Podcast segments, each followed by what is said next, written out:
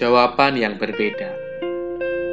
Pandanglah ke kanan dan lihatlah, tidak ada seorang pun yang menghiraukan aku. Tempat pelarian bagiku telah hilang, tidak ada seorang pun yang mencari aku. Mazmur 142 ayat yang kelima. Bacaan kita hari ini terambil dari Mazmur 142 ayat 1 hingga 8. Pernahkah kita berdoa meminta sesuatu kepada Tuhan, namun Dia memberikan jawaban yang berbeda dengan keinginan kita? Jika pernah, Daud juga pernah mengalami hal yang serupa. Ketika Daud berada dalam pelarian karena ancaman Saul, ia bersembunyi seorang diri di goa dan di hutan dapat dimengerti bahwa Daud merasa sepi, cemas, dan tak menentu. Dalam doanya, ia berkata, Dengan nyaring aku berseru-seru kepada Tuhan, dengan nyaring aku memohon kepada Tuhan.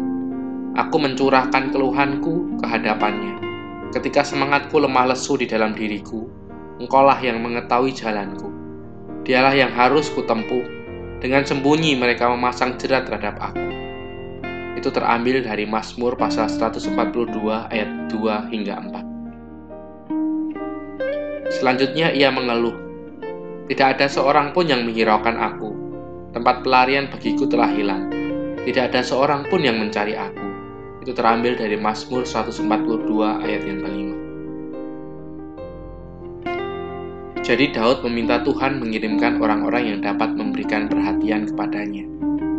Apa yang kemudian terjadi? banyak orang datang kepadanya. Tetapi mereka bukanlah orang yang dapat memberi perhatian. Sebaliknya, mereka adalah orang-orang yang membutuhkan perhatian.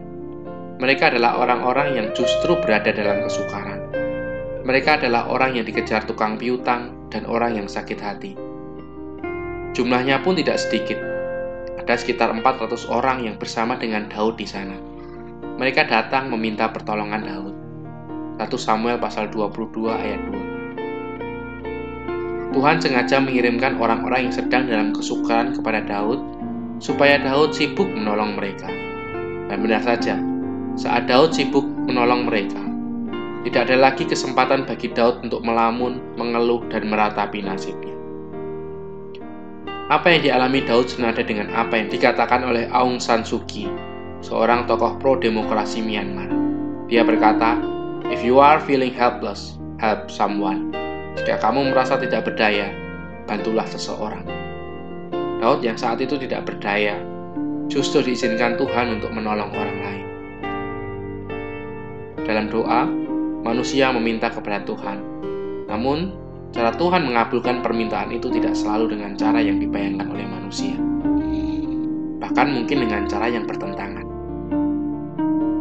Namun satu hal yang perlu diingat, Tuhan pasti memberikan apa yang menjadi kebutuhan kita dan yang sesuai dengan kita.